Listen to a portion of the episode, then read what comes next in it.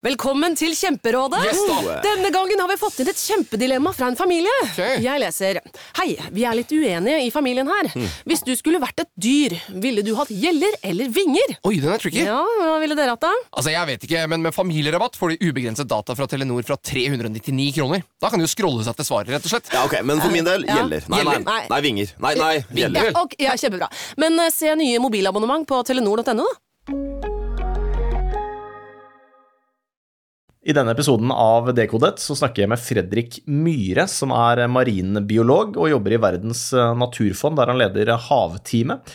Hvordan står det egentlig til med verdens eh, haibestand? Det er utgangspunktet for den eh, samtalen her. Vi snakker om haifiske, haifinneindustrien, hvorfor haien er så viktig for økosystemet i havet. Haiangrep er vi også innom, og så snakker vi om tilstand til havet, altså hvordan det står til med havet mm, generelt. Dekodet. den kunnskapen vi sitter på allerede, den, de pilene peker så veldig tydelig i retning av at nå er alarmklokkene på for fullt i havet. Dekodet. Så er det jo den klassiske sant, om hai er farlig for mennesket, og om, om det er hvithai i Norge og litt sånne ting. Ja, og Er det en diskusjon også, om det er hvithai i Ja, Norge? det, det er Altså, den bare vent skal vi se, tre, tre uker nå. Ja. Så, så kommer det nyhetssaker om eh, er det hvithai i Norge. For det, Ja. det er typisk sånn eh, eh, Innledninga på agurk, Ja. agurksesongen, det er om det er hvithai i Norge. Men har det vært hvithai i Norge før? Nei. Aldri vært. Ikke som vi vitenskapen vet, vet, i hvert fall. Men kan, kan de eh, overleve i såkalt vann? Altså, det er ingen grunn til at de ikke skulle ha vært her. Mm, Eh, ok. Så det er jo eh, altså, Mulighetene for at de kunne ha vært der, den er til stede. Det har aldri blitt dokumentert en hvithai i Norge. Eh, Det har aldri blitt registrert en eh, en gang så, så, så langt nord som England. Ja. Uh, Sånn at uh, sannsynligheten for at det er hvithai her, er forsvinnende liten. Men uh, altså, vi har jo havtemperaturer og også ganske greit mattilgang for en hvithai. Det finnes jo hvithai langt oppe i Alaska, sånn at det er ikke noe som tilsier at den ikke skulle ha klart å overleve i våre temperaturer. Spesielt på sånn tidlig på høsten inn mot senvinter, eller tidlig vinter, når, når havtemperaturen er ganske behagelig utenfor norskekysten. Så Um, hvorfor den er her, den trives nok ikke akkurat i områdene her. Da. Har ikke sett behovet for å komme hit. Ikke ennå. Ikke ennå. Og så er det jo klart det er en art som er eh, utrydningstrua, så at det er Ja, ikke flust av hvithaier igjen i, i verden heller. Så det er ikke et stort eh, overskudd av hvithai som, eh, som svømmer rundt for å finne nye områder. Det er et poeng. Så men det er klart, med, med dagens menneskeskapte klimaendringer, og vi ser at havtemperaturer stadig øker, så kan det også være sånn at en del av de artene som lever vanligvis litt lenger sør, eh, også blir tvunget eh, lenger nordover. Og det hvithai kan være en sånn art, uten at vi skal forskuttere om det. da. Hvor langt nord har vi observert hvithai? Ja? Har det Altså, vært i Danmark, liksom? Uh, nei, det, altså det har ikke vært så langt nord som, som sørkysten av England engang. Sørkysten Selv, av om- England, ja, selv om det har vært rapporter om hvithai der også nesten hvert Ja. år, så er det stort sett alltid eh, håbrand det er snakk om om der også. Og utelukkende, uten unntak, eh, her hjemme i norske farvann, eh, når mediene har eh, opp gjennom årene blåst opp at hvithai setter i Norge, så er det en ganske nær slektning, da. Samme, samme haifamilie, samme makrellhaifamilien, Ja. som har blitt observert, men det har da vært den mer ukjente slektningen håbrand, som er en helt vanlig art å ha i norske farvann. Ja. Dessverre også i likhet med hvithaien en utrydningstrua art pga. et tidligere stort overfiske. Men håbrand er da, i motsetning til hvithaien som da kan bli opp mot syv meter lang og veie et par tonn, så er håbrand da betydelig mindre. Blir eh, ca. En, eh, ja, en tre meter lang og 250 kilo, så det er en stor fisk allikevel. Ja. Men eh, den eh, er ikke verken interessert i oss mennesker eller spiser det samme som hvithaien heller, sånn som uh, makrellstørje eller eh, eh, sel og sjøløver og sånne Ja. ting. Så, så håbranden den eh, ser man stort sett når man da enten er ute på makrellfiske eller sildefiske, altså med disse altså Da snakker jeg om yrkesfiskerne. Ja, ja. At de, at de gjerne ser eh, makrellhaien som, som følger stimer av eh, disse pelagiske fiskene da, som, mm. som man er ute og fisker på. Eller da at man gjør rørinspeksjoner og, og undervannsinspeksjoner i, i Nordsjøen i forbindelse med oljenæringen. Og at man da ser på, på dypt vann disse fantastiske håbrandene da, som svømmer Ja, okay. opp for yes. å undersøke hva ROV-en er for noe. Så ikke på stranda i gjerdet når du surfer der, så er det ikke noe hårbrann? eh, Nei, eh. Nei. det er det ikke. Og hadde det vært det, så hadde han ikke vært noe interessert i deg i det hele tatt. Eh, og høyst sannsynlig så hadde han nok vært skeptisk til å komme i nærheten av deg likevel. Vi har håkjerringa, da. Håkjerringa er har vi. Gigantisk rådyr. Ja, det Lever har- kanskje litt dypere. En av de største rovfiskene vi har i verden. Ja. en av de største rovhaiene selvfølgelig også. Lever helt mot- sjukt lenge. Ja, ble opp mot syv meter lange. Ja. Eh, vi hadde det faktisk i, i Bunnefjorden også, helt innerst i Oslofjorden tidligere. Det var en Oi. egen eh, bestand av håkjerring her sånn. Den forsvant sånn på 1920-1930-tallet, tror man. Ja. Eh, både delvis pga. overfiske og, og for økt forurensning. Da. Så vi har ikke håkjerringa her eh, i nærheten av Oslofjorden lenger, men eh, i dypere fjorder på, på Vestlandet så finner man det jo. Ja. Og også selvfølgelig der lenger nordover, da. Og de er blinde, tror jeg. Mange av dem, er det ikke det? Ja, de, er, eh, de blir jo ikke født blinde, men de har en sånn eh, parasitt, parasitt ja. som Ja. går inn i øya, eh, som gjør at eh, de så å si blir blinde. Men det er klart, disse her lever jo på ganske store dyp ofte. Der er det ganske mørkt i utgangspunktet, og de har så mange gode andre sanser, så de, de klarer seg fint selv om de har denne parasitten i øyet. Da. Clash of the Titans hvithai mot eh, håkjerring. Hvem vinner? Jeg tror, jeg tror ikke de er så veldig opptatt av å, ta, ta, ta hverandre, men jeg, jeg ville nok holdt en knapp på hvithaien, nettopp fordi at uh, hårkjerringa er en av de aller treigeste haiene som fins. Ja, den er sånn sedat, svømmesakt. Ja. eh, Eh, så, og man trodde lenge at det bare var en åtseleter som bare spiste ting, døde ting som den fant på bunnen. Men den er faktisk en ganske slu og listig jeger også. Eh, og spesielt oppe på Svalbard så kom han over flere håkjerringer som hadde steinkobbeskaller i magen sin. Altså rester av sel, som er ganske raske dyr. eh, Så de lurte på hvordan i alle dager kunne de klare å fange disse, om det bare da var eh, åtsler de spiste på. Ja. Men forskningen avslørte jo da at eh, de gikk på jakt etter sovende steinkobber. For steinkobbene de sover gjerne og hviler i vannet. Smart. Og dermed så kunne håkjerringa svømme sakte opp mot dem og Ja. forsyne seg av disse selene når de lå og sov. da. Så snakk om et, ja. om et mareritt å våkne opp til. Ja, det vil jeg si. Men er det ikke sånn at man aldri har sett en håkjerring jakte i Man har aldri fanga det på film, i hvert fall? Har du sett det? Jeg har ikke sett uh, hårkjerring som jakter, og det tror jeg heller ikke er fanga på, på film så, som sådan. Altså, man har sett en rekke hårkjerring som forsyner seg av kadaver, men ikke som da går på jakt etter uh, Eller i hvert fall som har klart å ha suksess da, når det gjelder å jakte på aktiv jakt da, på, på andre dyr. Så da vet vi egentlig ikke hvordan det faktisk foregår i praksis. Vi antar. Vi antar, uh, og forskningen har nok avslørt langt på vei i hvert fall noen av hemmelighetene til hårkjerringa, men det er veldig mye, og det er- gjelder egentlig gen- hai generelt, det er veldig mye om um, haier som vi ikke vet om. Ja, for hvordan, eh, hvordan står det egentlig til med verdens uh, haibestand? Ja, um, altså, når, når jeg sier at det er mye vi ikke vet om, så er det dessverre mye vi vet også. Og det er jo at uh, verdens uh, haier har det veldig vanskelig om dagen. De er en av de aller mest utrydningstrua dyregruppene som finnes på planeten vår. Uh, forskningen har avslørt at ca. en tredjedel av alle eksisterende haiarter, altså rundt 500 arter som vi kjenner til i dag, er allerede utrydningstrua. Ja. Uh, og langt på vei så er det pga. tidligere overfiske og også pågående overfiske. Man fisker for mange hai, eh, rett og slett, kontra hva de klarer å uh, erstatte. Så kommer jo da disse litt nyere truslene, dette med økte havtemperaturer og, og, og havforsuring, som skyldes menneskeskapte klimagassutslipp. Eh, Men også dette med plastforsøpling og, og annen type forurensning.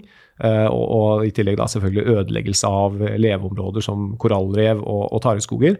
Alt dette kommer i tillegg som, som faktorer da, som truer haiene. Ja, og du sa en tredjedel av alle arter er utrydningstrua. Hvor mange er det som faktisk er, vet hvor mange som er utrydda?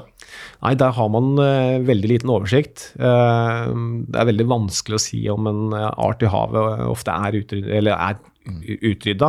Ja. Så det er vel ikke noen arter som har blitt pekt på sånn veldig spesifikt at den er høyst sannsynlig allerede utrydda. Men vi har nok mista veldig mange i løpet av årenes løp. Ja, Eh, Kanskje arter som vi aldri visste fantes engang? Ja, eh, og man finner jo også til stadighet eh, nye arter, og selv store arter. Eh, Du husker jo tilbake på slutten av 70-tallet, så kom jo denne megamunnhaien, som er en liksom gigahai på seks meter, som plutselig dukka opp utenfor kysten av Japan, eh, ja. som var helt ny for vitenskapen, aldri sett før. Kanskje en brugde? Nei da, det var en, det var en egen art. Eh, ligner litt på brugda, men er veldig annerledes allikevel.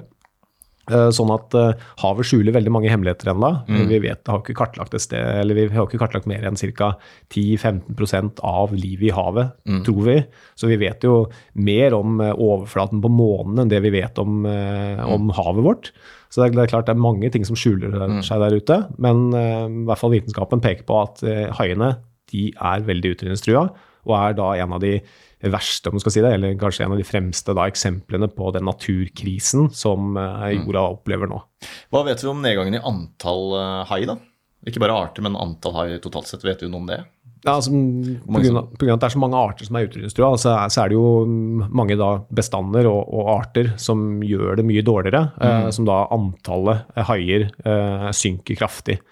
Så akkurat hvor mange tusen av den arten, eller hvor mange hundre tusen av denne arten, det, det er ofte litt vanskelig å si, men man ser på trendene over tid, liksom, eh, hva man får av både fangststatistikk på de ulike artene, men også hvordan, hvordan man klarer å se på, på hjemfangstrate, på, på merkeforsøk og sånne ting okay, når det ja. gjelder ulike arter. Da. Ja. Så det er flere grunner til at haibestanden synker. La oss starte med, med haifiske, da, gå litt inn på det. Mm. Eh, det drives fortsatt aktivt haifiske rundt om i verden, vil jeg tro.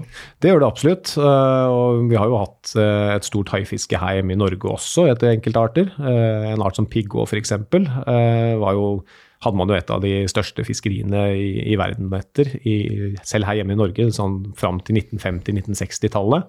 Og Det var jo en av medvirkende årsakene til at den eh, arten også ble etter hvert ble kritisk trua i norske farvann. Ja. Eh, når man klarte å få bygge opp bestanden litt der sånn i, i de siste årene, fordi at man eh, har hatt ganske strenge fiskeriregler og hatt et forbud mot direktefiske bl.a. Så den bestanden gjør det litt bedre nå, eh, men har fremdeles ikke kommet seg opp igjen på, på de nivåene som han var i, eller i nærheten av de nivåene da, som man var i før. Men det er klart, eh, ser man på hai generelt, så, så har man jo um, egentlig to hovedsyndbukker. altså du har haifinnindustrien, den industrien spesielt uh, retta mot, inn mot Sørøst-Asia, eh, hvor man da fangster etter hai for å få tak i haifinnene. Eh, Til å bruke spesielt til haifinnesuppe. Eh, og så har du da haikjøttmarkedet, som er en, eh, noe som man har oppdaga gjennom de senere årene. At det er veldig ofte kjøtt som brukes på lokale markeder rundt om i verden, og spesielt av både Asia og Afrika som kontinenter. da. Yes. Men også da eksempler her hjemme i Norge. Ja. ikke sant? Tilbake til piggåen, så, så fangsta man enorme mengder av piggå her.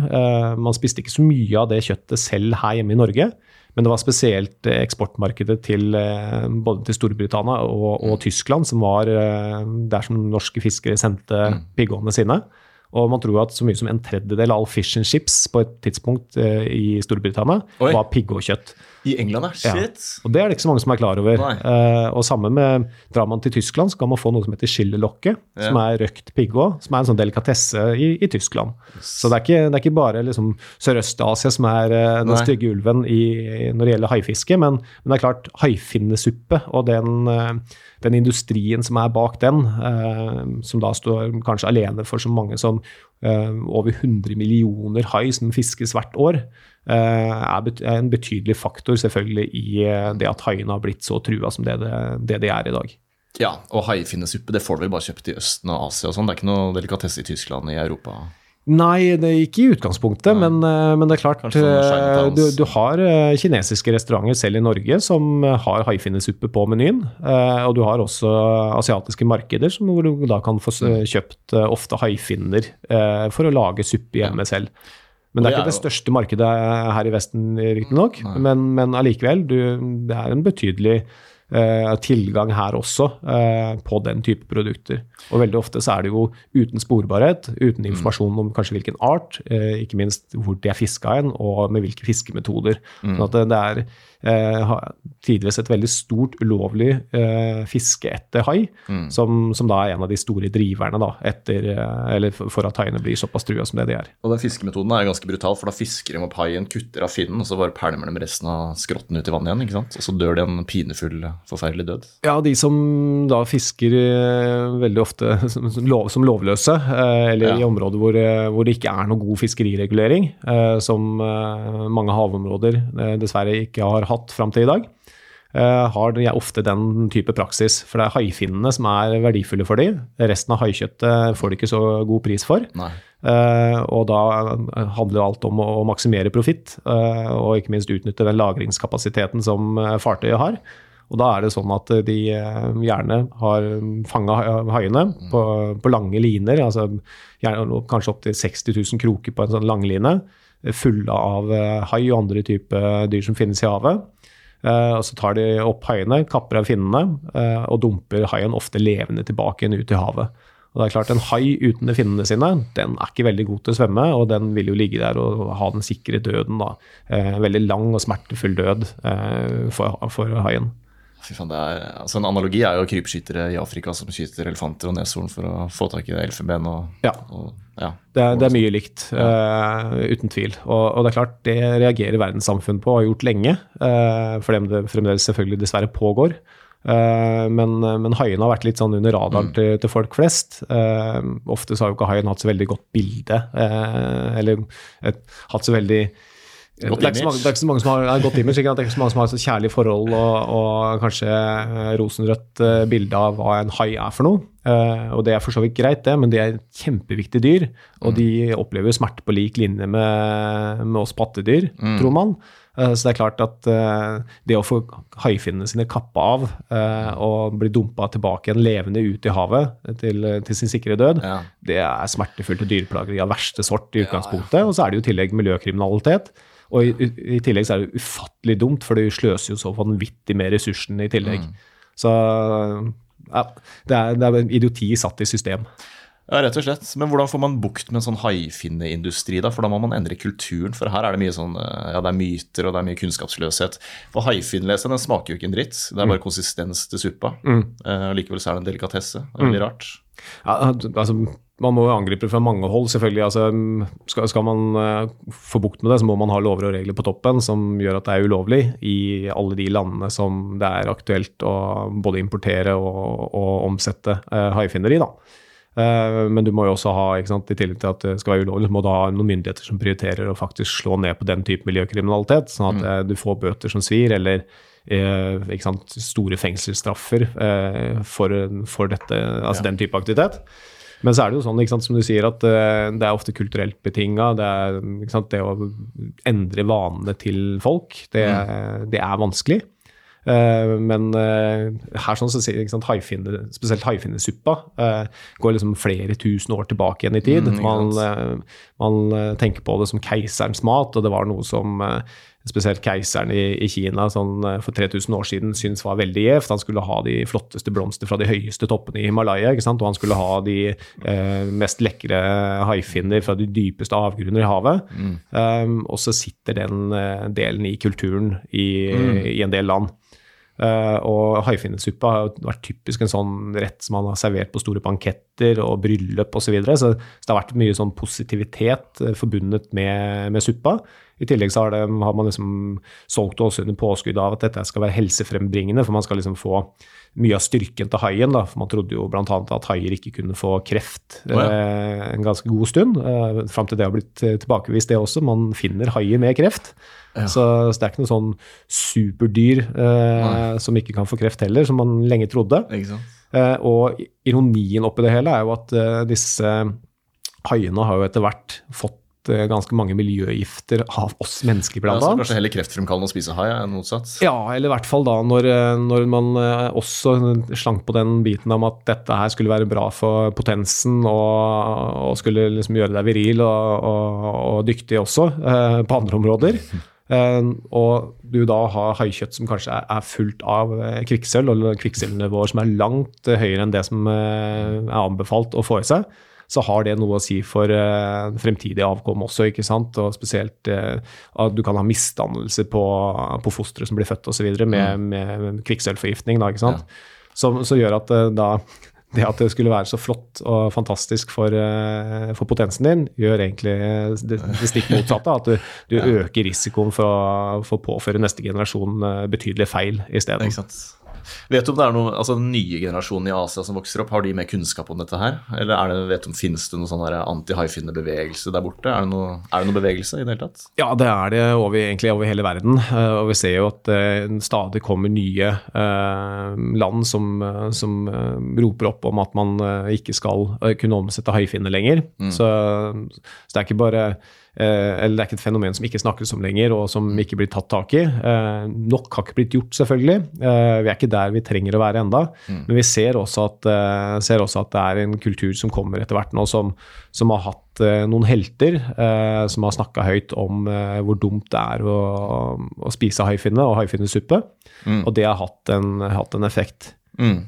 Jeg føler kanskje en endring må kanskje komme nedenifra for at det skal funke, når det er såpass uh, kulturelt betinga, at det er liksom innprenta i uh, hele deres levesett og måte. Ja. At det holder kanskje ikke med ovenfra ned lover og regler. Uh, ja. Nei, Det kommer, kommer litt an på, på samfunnet man lever i, selvfølgelig også. Og det er klart, i, i samfunn som, eh, som nærmest er diktaturer, så kunne det kanskje vært uh, Ja, vel så lett klart. å få Det få det ovenifra. Eh, men, uh, men det er klart, skal man eh, liksom få bukt med dette på, på verdensbasis, så, så må man ha kombinasjonen at eh, folk må være litt opplyste, eh, eller bli litt opplyste, da, mm. om hva som faktisk er situasjonen til verdenshavet, hva som er situasjonen til eh, haiene i det havet, hvorfor vi trenger haiene, hva som er i ferd med å skje med det store overfisket som er.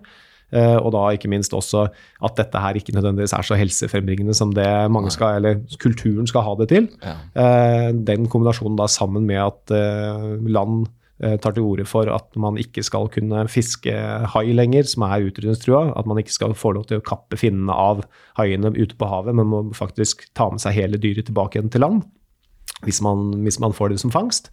Og at man får eh, krav om sporbarhet på de produktene som skal eh, omsettes eh, når det gjelder sjømat, og da inkludert hai, så, så vil man da langt på vei kunne i hvert fall ta den, altså, hai, situasjonen for, for haiene da, i, i mange steg i riktig retning. Mm. Men det er liksom kombinasjonen av ting som må til. Eh, og det er klart, eh, hver og en har et ansvar her sånn. Eh, I hvert fall når man da begynner å få litt kunnskap om det. Mm. Men det er klart, for, for en person som ikke vet noen ting om hai, og som har fått det fra barndommen av at dette her er tipp topp, og eh, dette er noe som vi gjør fordi haien er bra for oss, så er det selvfølgelig en helt annen situasjon og, som man må sette seg inn i. Er det andre deler av haien som også kan omsettes på, på markeder? Uh, tenner, jeg vet ikke, lever Du nevnte kjøtt og haifinner. Huden, sånne ting. Altså Haikjøtt er jo eh, en av de tingene selvfølgelig uh, som blir brukt til mat uh, rundt omkring i verden til enhver tid. Jeg nevnte litt dette med pigg og kjøtt i, i stad, og liksom viktigheten for fish and chips i, i Storbritannia. Men selv liksom, jeg husker for noen år tilbake når jeg var i Tasmania, eh, og hadde reist ned dit for å delta på et forhandlingsmøte om hvordan å forhandle, forhandle eller forvalte Sørishavet, som det heter. Um, så var, eh, Hvis man da så på menyen der, sånn, så var det flake var det som sto nederst og var billigst å kjøpe som fish and chips da, eh, på det markedet. Så uh, hadde jeg ikke så mye kunnskap om på den tiden hva flake var for noe. Jeg visste at det mest sannsynlig var noe hairelatert. Og det viste seg at de brukte jo da tolv forskjellige haiarter som, de kategoriserte som flake. Blant annet, eh, blant annet da makrellhai, som er en av de utryddede artene som vi har i, i, i verdens farvannet. Eh, Så, så haikjøtt selges over hele verden, uansett om det er eh, her oppe i nord eller om det er helt, helt i sør. Og så er det jo da at haien har jo mange andre typer produkter som man kan lage av ulike ting som finnes på haien. Eh, Fra gammelt av her hjemme så, så var jo spesielt hailever noe man var veldig ute etter. Eh, Spesielt før eh, man klarte å finne olja ute i Nordsjøen på, på starten av 60-tallet. Eller nei, slutten av 60-tallet. Um, så, så var man veldig opptatt av å få tak i brugdelever, f.eks. Brugde er jo da den nest største haien som finnes i verden. Svømmer rundt i norske farvann bl.a. med sine 12 meter og opptil 19 tonn. Eh, virkelig en koloss. Og det er mye lever i en sånn brugde. Eh, og den eh, lever, spesielt olja i leveren, da, eh, brukte man fra, til alt fra å smøre høyhastighetsmotorer til å blande inn i maling. Det er jo mange hus langs kysten vår som fra gammelt av ble malt med brugdemaling. da. Det er helt sinnssykt, da. Ja, Det, det går med en del brugder da, for å dekke etterspørselen, antageligvis. det, det gjorde det. Eh, Det gjorde det absolutt. og Det, det er jo litt lignende historie med, med hvordan det store kommersielle hvalfangstindustrien også opererte. Sant? Det var litt på samme måte man fanga brugdene også. Mm. Det, var ikke noe, det er ikke noe fisk som biter på kroken. Eh, Brugda var noe man måtte jakte aktivt med harpun. ja. Så likheten er ganske mange. Mm. men man har jo også sånn i, i disse pandemi, eller nå har vi jo nettopp vært gjennom, eller vi er vel fremdeles i en pandemi. eh, og, Og også vaksiner har jo eh, haiprodukter blitt brukt i, spesielt skvalen, eh, som da bl.a. kan fås gjennom leveren til piggå, som jeg snakka litt om i stad. Yes. Eh, som, som da brukes inn i enkelte vaksiner for å øke da eh, hvordan kroppen responderer på, på de stoffene som er i vaksinen. Sånn at man skal få en mer Yes. suksessfull eh, vaksine. da. Det visste jeg ikke, og det stoffet finnes bare i haier, eller? Kunne man det du, kan, syntetisk? eh, du kan fremstille det fra, fra andre typer altså plantemateriale, for den Ja, saks skyld. men så, hai, altså. men hai har typisk vært en eh, art hvor man har noen haiarter da, eh, hvor Ja. man har brukt dette skvalenet inn, inn, inn i vaksinen. Nå er det riktignok heldigvis ikke brukt i i de vaksinene som vi har tatt her nå i okay, forbindelse med korona. Eh, Men eh, tilbake igjen på Det var vel svineinfluensaen i sin tid, så, så hadde man jo da eh, Det var vel Pandremix som var den vaksina som vi, en del av fra den norske befolkningen tok. Mm. Den hadde skvalen fra, fra pigghå, eller pigghå-lignende ha- haiarter. Ha, interessant. All right, så overfiske er jo et kjempeproblem. Ja. Du nevnte klimaendringer. På hvilken måte er det et problem for haibestandene? Nei, det er jo sånn at eh, altså, klimaendringer gjør jo havet varmere og surere. Det er en dårlig kombinasjon for stort sett alt livet som finnes i havet, eh, og inkludert av haiene. Eh, Det kan gjøre alt fra å gjøre det vanskeligere for haiene å få tak i mat, for at en del av artene som de vanligvis jakter på, trekker inn i nye områder hvor de ikke har vært tidligere. Men eh, kanskje det fremste eksempelet er jo hvordan økte havtemperaturer på, påvirker f.eks. korallrev i tropiske farvann. Eh, vi ser jo nå eh, rekordnivåer av korallbleking i, i mange farvann. Eh, kanskje det mest kjente er jo Great Barrier Reef, som ligger utenfor kysten av Australia. Mm. hvor man der nesten hvert år nå ser rekordstor korallbleking i perioder av, av året. Og det har jo da å gjøre med at havtemperaturene blir for høye over for lang tid. Eh, som gjør at disse fantastisk flotte, frodige og fargerike korallene mister sin farge. eh, og blir et, et, etter hvert etterlatt uh, som døde kalkstrukturer isteden. Det har å gjøre med at disse korallene de lever i symbiose, altså et uh, samarbeid med en alge. Og korallene i seg selv de er fargeløse. er bare sånne kalkstrukturer med, med små koraller inni. Mens eh, de fantastiske fargene ofte da kommer fra algene som bor inni korallene og forsyner da korallene med energi. Og det er klart, Disse korallene kan ikke flykte fra eh, økte temperaturer, de, de står der de er. Eh, Men algene de syns ikke noe om når vannet blir for varmt, så de flytter ut av korallene og stikker av gårde isteden. Og Det gjør jo da at korallene ikke får den energien de skulle ha hatt. Og etter hvert, da, hvis ikke temperaturen senkes sånn at algene kan flytte inn igjen, så blir de revene ganske fort døde.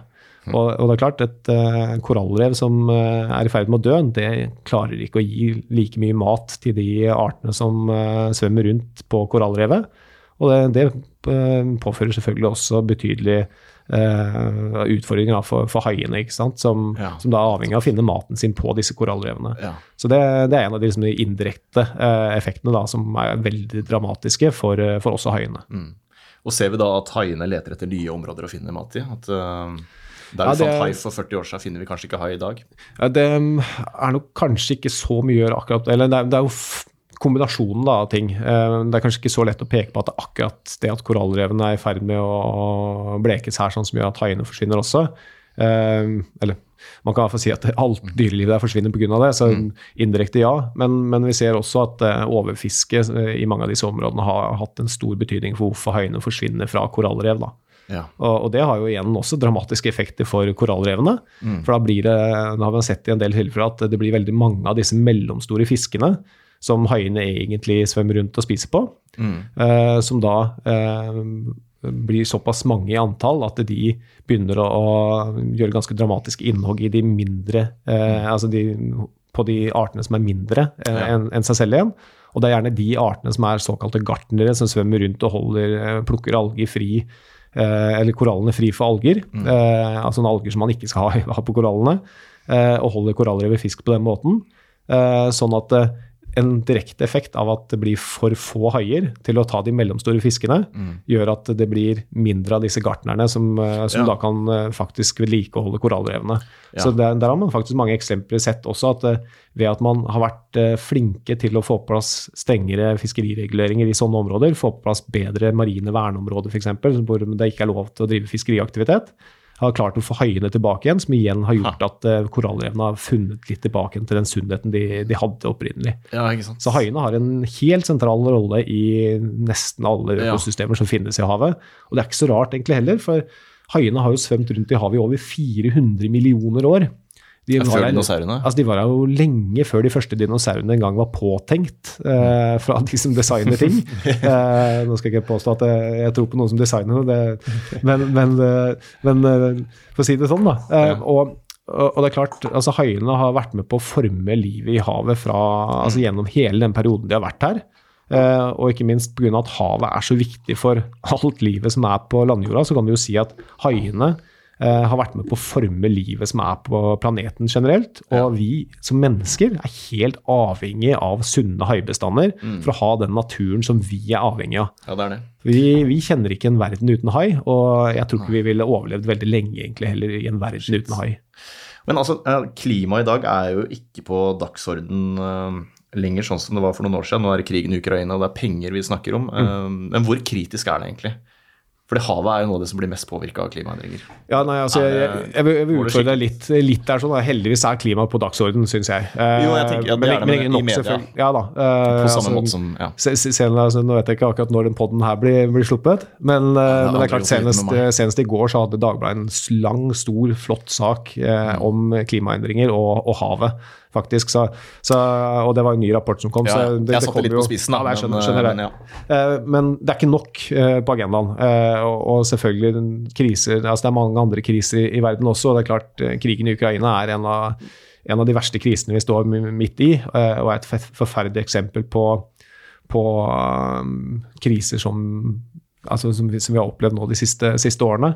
Men, men det er klart, overordna så er det liksom kan, kan si at det, de tre største krisene vi har, eh, det er klimakrisen og naturkrisen.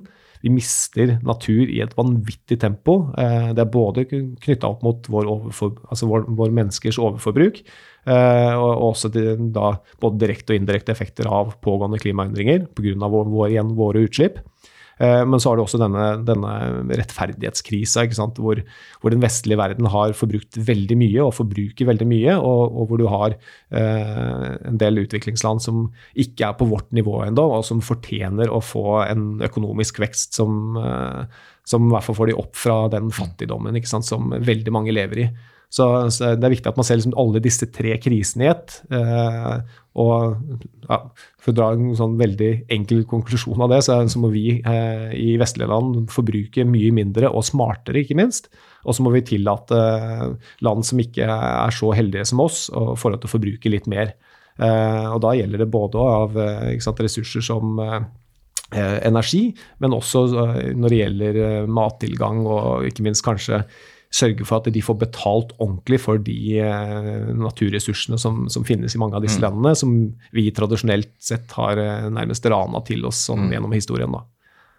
Men vet vi egentlig hvordan det står til i havet? Hvor, altså spørsmålet mitt er hvor kritisk er det? Er vi nærme en kollaps? Kan, kan vi risikere en kollaps hvis dette fortsetter? En total kollaps? Det kan vi, eh, men eh, altså, man vet mye, og så er det veldig mye man ikke vet. Eh, Vi var litt innom på det, på det i stad.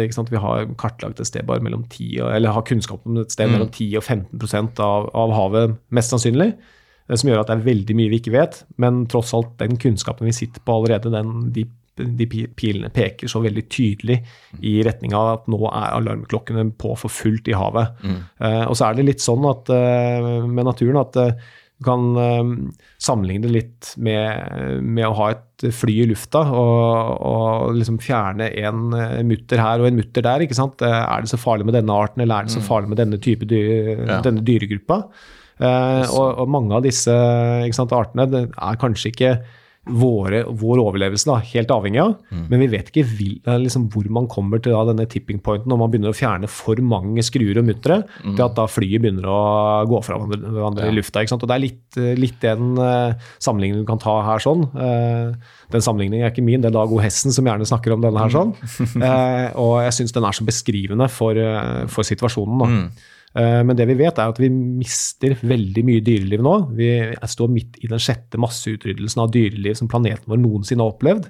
Den femte og forrige masseutryddelsen av dyreliv som vi opplevde, som vi vet om, den skjedde for 65 millioner år siden, da dinosaurene døde ut. Og vi mister dyreliv i samme tempo nå som det vi gjorde da. Shit. Allerede så, så vet vi at bare fra 1970 og fram til i dag, så har det vært en eh, nedgang på, på nesten 70 eh, når det gjelder eh, Antall arter, eller? Nei, ikke antall arter, men, men eh, når man ser på mengden altså, best, Masse. altså massen av bestander, da. Oi, Så, så man ser at dyrelivet er virkelig i ferd med å forsvinne.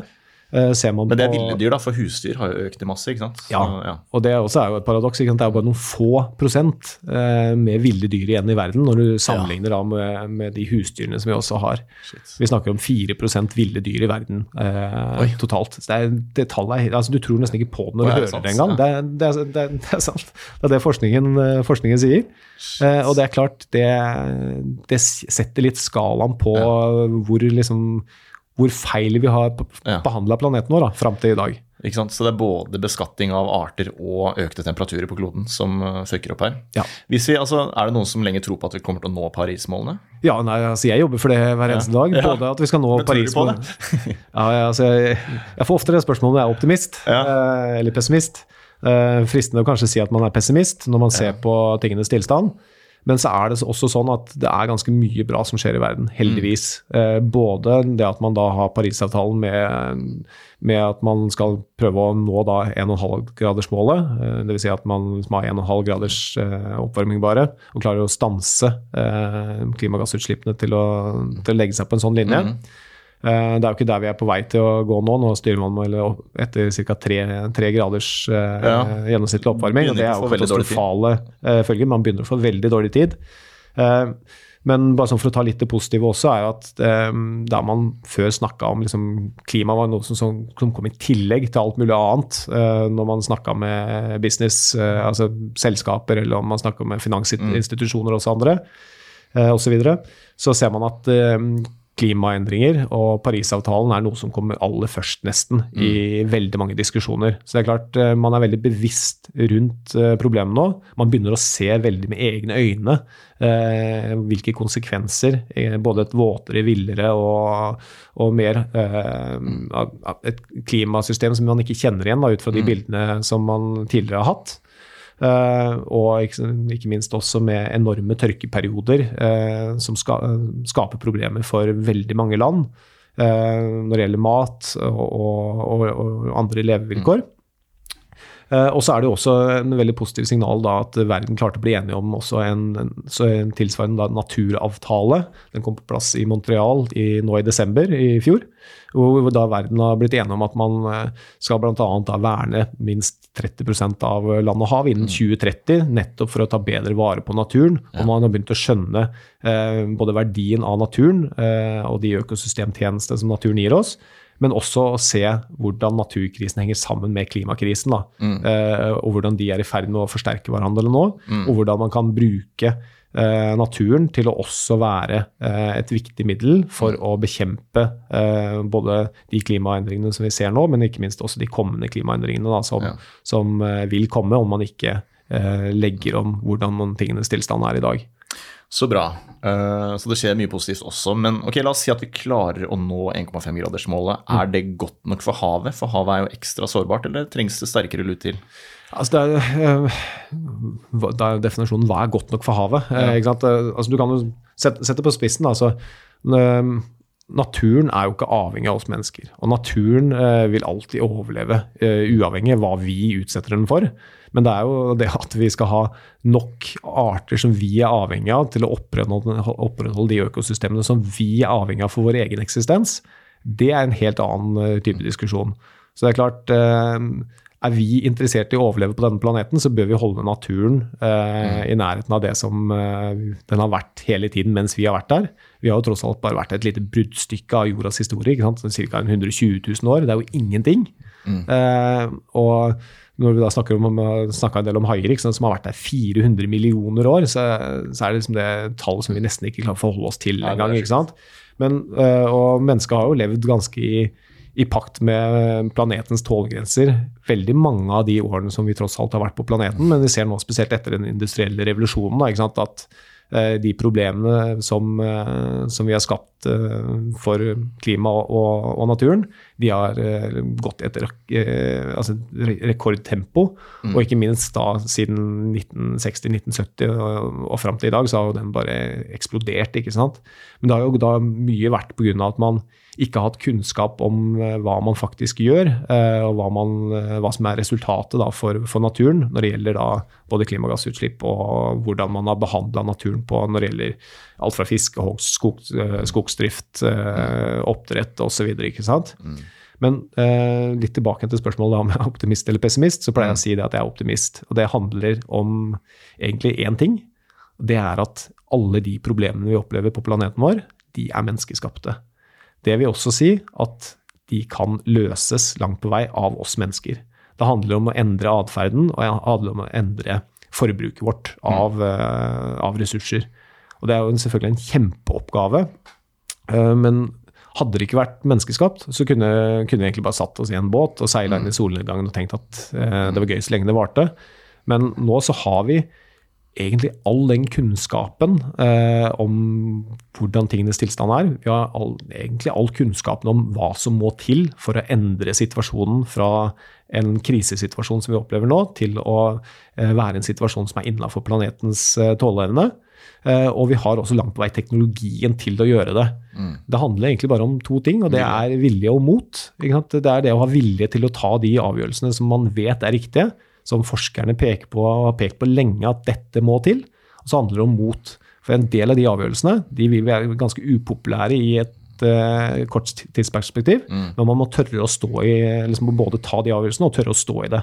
Og litt sånn uten sammenligning for øvrig, men du kan si at det, det, kunne nesten vært som en, en røykelov. Altså når den kom, så så var det veldig mange som var imot, og det ville jo bety døden for næringslivet, eller utelivsbransjen osv. Nå er Dagfinn Høybråten en helt, ikke sant? Ja, ikke sant. Ingen som vil gå tilbake igjen dit, eh, dit, i dag. Og, og, det er klart, det, det krevde vilje fra en politiker og apparatet rundt mm. han, så det krevde litt mot for å ta den avgjørelsen, og ikke minst stå i den når mange ropte høyt om at dette er galskap. Uh, og så ser vi da i etterkant at dette her var jo noe av det lureste som har kommet på, på lang, lang tid. ikke sant? Og det, skalere det opp, da, men det, er det verden trenger nå. Vi trenger modige politikere, en modig næringslivsledere, en modig enkeltpersoner, for den saks skyld. Uh, og da uh, at man gjennomfører det som, uh, som, forskerne sier. Og så har vi jo sett at når det virkelig brenner på dass, så har vi evnen til å snu oss raskt. Det så vi under pandemien. ikke sant? Ja. Så, så vi, har, vi, har, evnen. Det står på vilje. Vi har det. altså Mennesker er kjempetilpasningsdyktige. og vi som du sier, vi har evnen til å snu ganske raskt når ting først treffer oss midt på nesa. Mm. Det som er litt i, i dette, er sånn er at dette er systemer som har ganske stor treighet i seg, og spesielt havet. Veldig stor treighet i seg. Så når først liksom alarmklokkene går for fullt der, sånn, så er det nesten overtent og nedbrent. ikke sant? Ikke sant? Ja. Så, så, det er klart, eh, vi, jo raskere vi reagerer nå, jo bedre er det. Eh, det kommer til å bli våtere, villere og mer ekstremvær framover, uansett hva vi gjør. Men vi må skjønne da at vi er, eh, altså med at vi ikke gjør det, så, så kommer de konsekvensen bare til å bli enda større. Mm. Eh, og vi kommer til å få enda større eh, problemer både her hjemme i Norge, men verden for øvrig også, hvis ikke vi, vi gjør noe nå. Mm. Og det er nå vi har liksom det lille vinduet til å handle på. Om noen år så kan det vinduet være borte, og vi kan da snakke om det, disse tipping pointsene. ikke sant? At mm. man begynner å få så få skruer i flyskroget at det flyet er i ferd med å falle ned. Hmm. Shit. Uh, vi kan ikke ha en episode om hai uten å snakke om uh, haiangrep. Vi må være litt tabloide her. Det, det går fint. uh, jeg føler alle marinbiologer sier at nei, hvithai er ikke farlig for mennesker. Er du der? Uh, altså man kan si det sånn da, at alle store dyr i naturen er uh, potensielt farlige for mennesker hvis man gjør noe dumt. Uh, ikke sant? Ja. Men, men, det er jo ikke bare store dyr heller. Altså, behandler du en hund eller en katt dårlig, så blir du bitt. det er forsvarsmekanismer hos dyr. Ja. Eh, men så er det også sånn at eh, rovdyr kan jo også se på deg som potensielt mat, eller i hvert fall undersøke om du er mat. Eh, og hvis du gjør noe dumt da, så kan du tenke at oi, det er i hvert fall verdt å bite for å se eh, hva det er for noe som oppfører seg som et byttedyr. Eh, når det gjelder hvithai, eller hai generelt, så er det ingen haier som har mennesker på menyen. Det kan man bare se ut fra statistikken. Altså I fjor så var det 57 haiangrep på verdensbasis. Um, og hvis du da tar for deg alle de hundretalls, om ikke millioner av mennesker, nei, hundretalls millioner, om ikke milliarder av mennesker som bader, surfer, dykker, eh, står på vannski osv. hvert eneste år, hvis du summerer opp alle som går ut i havet hvert år, så er 57 haiangrep en helt vanvittig lite antall med angrep. Enig, det er veldig lavt. Men har man noe statistikk på antall angrep eh, blant folk som bader der hvor det faktisk er observert hvithai også? Ja, ja. Altså, det er fortsatt lavt? Ja, det er fortsatt, fortsatt lavt. Okay. Eh, og så har du ikke sant, um, anbefalinger på hva du ikke bør gjøre. Ikke sant? Du bør Mm. ikke bade når det er, altså i områder som det er Mm. eh, enten hvita eller tigra eller noen sånne ting, eh, på de periodene hvor du, hvor, hvis det er skumring, ikke sant? eller hvis det er, eh, hvis det er daggry, Mm. bør ikke kanskje bade i, i nærheten av elvemunninger, og i hvert fall ikke i nærheten av folk som driver og fisker, eh, eller i nærheten av eh, det har vært noen tilfeller av eh, slakterier som har dumpa avfall ut i sjøen osv. Altså det, det er klart, sånne type ja. aktiviteter eller sånne type ting gjør at haier kan eh, tiltrekkes områder. Um, men igjen, altså sannsynligheten for å bli angrepet av hai den er så forsvinnende liten. så Derfor kan du påstå at, eh, si at eh, haier i hvert fall ikke har mennesker på menyen. Nei. Eh, men selvfølgelig, det er store rovdyr, eh, og du skal ha respekt for eh, både store rovdyr med alle andre dyr i naturen òg. Ja. Eh, og du bør oppføre deg deretter. Ta litt forhåndsregler. ikke sant? Ikke, ikke gå ut og svøm på morgenkvisten i områder hvor du vet at det kan, kan være hai. Selv om haien skulle være, være der, så, så vil den nok høyst sannsynlig ikke angripe deg. Men risikoen er litt høyere. Ja. Men selv om eh, haien eh, tror at en surfer egentlig er en sel, altså er den så intellektuelt eh, sofistikert at den kan ta den vurderingen? Det er en sel, det er et menneske. Altså, Ja, veldig ofte. Altså, mm, hvithai og, og tigrer eh, ses blant surfende nesten hver eneste dag eh, på enkelte strender i, i verden.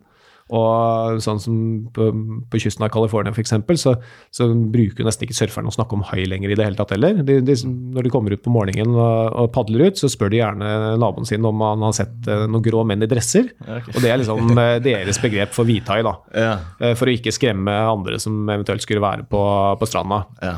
Eh, og mm, titt og ofte så ser man, eh, spesielt nå som droner har blitt eh, litt allemannseie, så ser man, ser man hai blant svømmende, badende, surfende hver Ja. eneste dag. Bryr seg ikke? I all hovedsak så bryr de seg ikke, men det hender jo selvfølgelig at det, det er en hai som er i jaktmodus.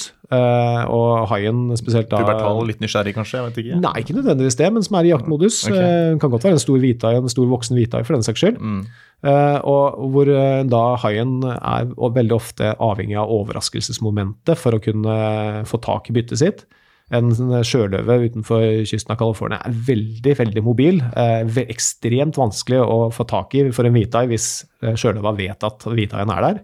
Sånn at den svømmer gjerne underfra, gjerne litt bakfra, og kommer opp med voldsom hastighet eh, og, biter tak i byttet den tror er en, eh, tror er en eh, sjøløve. da.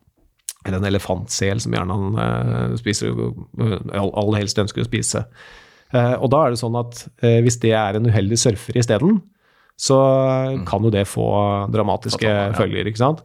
Som regel så, så lar haien det være med det ene bittet. Det er veldig sjelden at den følger opp med noen andre, andre bitt enn det. Hvis den da har fått tak i en surfer eller surfebrettet. Eh, nettopp fordi at det er ikke det haien forventa å bite i. Det er ikke det haien har lyst til å spise. Den liker ikke nødvendigvis smaken av, eh, av oss. Mm. sånn at den da lar surferen være i fred. Men det er klart, eh, hvis det da er en hvithai på fem meter og over et tonn, eh, som kommer, kommer der med en enorm kjeve med mange store tenner, Kan det bli fatalt så kan, kan det påføre betydelig skade. Eh, langt på vei så overlever de fleste som uh, blir utsatt for angrep. Av de da 57 uh, såkalte uprovoserte angrepene da, som eh, var i fjor, så var det fem dødsfall. Så alt, eh, I all hovedsak så overlever selv de som blir angrepet av store hvithaier. Nettopp fordi at eh, haien er ikke interessert i å komme tilbake og bite deg mer, for han er ikke interessert i deg som mat. Eh, og veldig ofte så har da eh, de som blir angrepet, kommet seg inn til stranda igjen og fått eh, legehjelp i tide. Men det er klart, det, av og til så skjer, skjer det uhellet at, at man ikke overlever. Mm. Gjerne da pga. at man dør av blodtap, f.eks., for at skadene er såpass store. Og Det er klart det er en ekstremt trist situasjon hver gang. Det er den største medfølelse for, for den som blir utsatt for et haiangrep, og ikke minst de som er rundt. av familie og, familie og venner, og det er jo en tragedie uten like. Eh, men det er også litt sånn at um, veldig ofte så kommer det ut medie, medie, eller nyhetshistorier etterpå som, som da um, sier at uh, disse var klar over risikoen sant, og villige til å ta den risikoen for å gjøre det de elska, f.eks. med å surfe. Uh, og at uh, de ikke holder haien ansvarlig for det som har skjedd. Men det er klart det er jo en ufattelig tragedie hver gang allikevel. da, eh, som, som igjen viser at haien selvfølgelig potensielt kan være farlig for mennesket, men det er veldig mye som skal til uh, for at haien uh, i det hele tatt angriper oss mennesker og, og, og prøver å undersøke om vi er mat eller ikke. Da. Kan vi se for oss et scenario der matfatet til haien blir borte, og menneskekjøtt plutselig blir interessant fordi haien er så desperat? At, eh, sånn som spekkhoggeren, som endrer matvaner etter hva som er tilgjengelig? Ja, men eh, spekkhoggeren har heller ikke gått på mennesket. Da. Det er jo ikke et eneste dokumentert eh, angrep på mennesket i vill natur fra, eller altså fra spekkhoggere i vill natur. Det. Eh, så, så ja, altså haien vil jo helt sikkert tilpasse seg det som er tilgjengelig for å Mm. overleve. Men det skal veldig mye til tror jeg, for at det er noen haier som går og angriper mennesker systematisk. Da er vi på skrekkfilmnivå isteden. Altså Mm. det, det er nesten eh, ja, utopisk å tenke seg at, eh, at den skal gå og begynne å liksom jakte etter på oss mennesker. Ja. Da, da er vi liksom tilbake igjen på Steven Spielberg-nivå. Ja, hva, hva, hva hvis en hai kom eh, så, og fikk menneskekjøtt på, på eller blod på tann da, etter mennesker, og ikke ville svømme vekk og ville plukke Ja, oss en etter en hele tiden. Men, altså, Haisommer har fått, så, fått mye av skylda for at haien har fått et så dårlig image. Men har haien så dårlig image? Jeg altså, hvis du er et oppegående menneske, så skjønner du at selv om det er et rovdyr, så må vi beskytte det. liksom. Er det fortsatt et tema i dag? At, eh, Ja, veldig det, det vil jeg påstå å si at det er det veldig. Eh, og det er popkulturen egentlig som har hovedskylda der. Haisommer er jo én ting. altså nå det, det var jo sånn som uh, vår generasjon vokste opp med. Blue Sea føler jeg var vår haisommer, egentlig, hvis du har sett den. Ja, jeg jeg har sett den også. uh, men men eh, altså jeg så, nå er jeg jo litt sånn, kanskje litt bias, eh, bias der, sånn, men eh, jeg, jeg vokste jo opp med Haisommer. Jeg så Haisommer for første gang da jeg var ti år. eh, hvor jeg da lånte en sånn gammel opptaks-VHS-videokassett av mormor som hadde tatt opp Haisommer, som var eh, nattkino på NRK i sin tid. Eh, og jeg lånte den her under påskudd, eller ikke påskudd, men jeg, jeg jeg trodde også det var eh, en dokumentar om, eh, om hai, eh, og mamma og pappa visste ikke helt hva haisommer var, så jeg endte jo opp med å se den filmen alene første gang, som tiåring. Og i likhet med ganske mange så ble jeg nok skremt av det jeg så, men jeg ble egentlig mer fascinert. Sånn at det var haisommer som egentlig har definert hva jeg ville bli i livet. For jeg begynte å skrive, skrive brev. Fram til det så ville jeg, sånn som veldig mange andre barn, bli arkeolog og studere Ja. dinosaurer. Og så fant jeg ut at hmm, hm, det finnes jo faktisk nesten levende dinosaurer i, i havet, som jeg heller kan eh, heller studere ja. studere eh, og jobbe med. Så jeg, så jeg begynte å undersøke hvem som kunne en del om hvithai eh, på den tiden. Eh, der er jo tilbake igjen på akkurat rundt 1990-1991. Mm. Eh, og eh, kom fram til da at det var en som het Rodney Fox, som eh, var en kar som hadde begynt å bygge de første haiburene i verden for å dykke med hvithai. Mm. Eh, hans grunn for å, for å bygge disse burene var jo for å, at han selv hadde blitt angrepet av hvithai eh, når han var ute og drev med undervannsjakt. Og måtte sy over 400 sting for å lappe seg sammen, og begynte da å liksom undersøke Eller han ville forstå det dyret som hadde angrepet ham. Mm. Uh, fant ut at det var ikke så veldig mye kunnskap om disse dyrene, og begynte da å bygge bur for å kunne dykke med de trygt. da.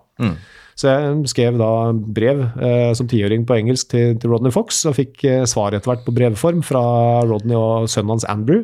Og de sa jo da at uh, hvis du har lyst til å jobbe med, med hai og hvithai, så kan du bli marinbiolog. Ja. Så i en alder av ti år så bestemte jeg meg ok, marinbiolog, det skal jeg bli. Stilig. Det er tidligere enn folk flest, altså. Ja, så jeg har vært sånn heldig og privilegert at når folk da lurer på hva de skal bli i livet, så har ikke jeg hatt det problemet. Jeg har Nei. hele tiden liksom tenkt at marinbiolog, det, det er min greie. Det virker som du har truffet òg, for å si det sånn. Ja, det er jo det er jobben min, da. Så, eller det er utdannelsen min, og jobben min er å prøve å ta vare på havet. Så jeg skulle gjerne heller vært eh, kanskje forsker og, eller guide eller naturguide eller noe sånt noe med marinbiologtittelen, og liksom vist fram alt det fantastiske som er i havet. Men det er klart, når havet er i en så stor krise som det er, så, så har jeg sett det som mer som mitt kall å prøve å eh, ta vare på det vi har, bygge opp igjen eh, en del av det som har forsvunnet. eh, Og sørge for da at eh, de neste generasjonene får et hav som eh, er mer velfungerende enn eh, det vi har i dag. Kan folk gjøre noe konkret for å hjelpe havets haier? Folk som hører på. Absolutt. Én ting er jo å liksom skjønne uh, haiens rolle i havet, uh, og ikke minst skjønne ha, haiens rolle i sitt eget liv. Uh, vi er 100% avhengig av friske og velfungerende hav. Vest, Friske og velfungerende hav det får vi bare om vi har friske og velfungerende haibestander. Så liksom det, ta det inn over seg og skjønne at eh, selv om man syns eh, kanskje haien er skummel, så se hvor nyttig den er for eh, livet på planeten, og ikke minst sitt eget liv. Selv om man skulle bo langt i, i innlandet, eh, så er haien avgjørende for deg. Eh, og så er det jo det at eh, veldig mange liker å spise sjømat. eh, og der sånn så går det jo da på Én ting er jo å styre unna haikjøtt, eh, og spesielt eh, haikjøtt som ikke har sporbarhet, og som, som man ikke har kontroll på, ikke eventuelt skulle komme fra noen utrydningstruede arter. Eh, Men eh, så er det litt sånn at alt henger sammen med alt i havet. og det er eh, En del av maten til haien er jo andre fisker. De bør også forvaltes på en god måte og tas vare på og ikke overfiskes. Sånn at der sånn så har vi i WWF en sånn forbrukerguide som heter Sjømatguiden, som du kan bruke når du da er i butikken og skal handle middag. Så da styr unna de altså Sjømatguiden er bygd opp som et sånn trafikklyssystem. Ja. Grønn, gul og rødt. Så pri én er å styre unna de artene som er på, med rødt lys i Sjømatguiden. Eh, og så er det jo da å aller helst velge de artene som har grønt lys, fordi det er arter som, eh, som da gjør det bra, og som er ganske godt forvalta. Nyttig verktøy sjø, eh, sjømatguiden.no, var det det? Sjømatguiden eh, ja, den finner du på wwf.no sine WWF. sider. Okay. Eh, Den, det, tror, tror jeg det er wwf.no Ja. slash sjømatguidene. Er det en app også, så man kan gjøre det litt enkelt i butikken? Ja, Vi hadde det tidligere, eh, men nå er nettsidene blitt såpass eh, interaktive og gode, så Ja. det ligger på, på nett. Riktig. Og på Instagram så heter du Der heter jeg Fredrik G. Myhre, så der, Der er kan du også liksom- gå, gå inn og få litt havinformasjon eh, til enhver tid. Og selvfølgelig eh, gå inn og følge oss på WWF Verdens naturfond også, hvor, hvor vi legger ut mye tips innimellom om hvordan ta bedre vare på naturen.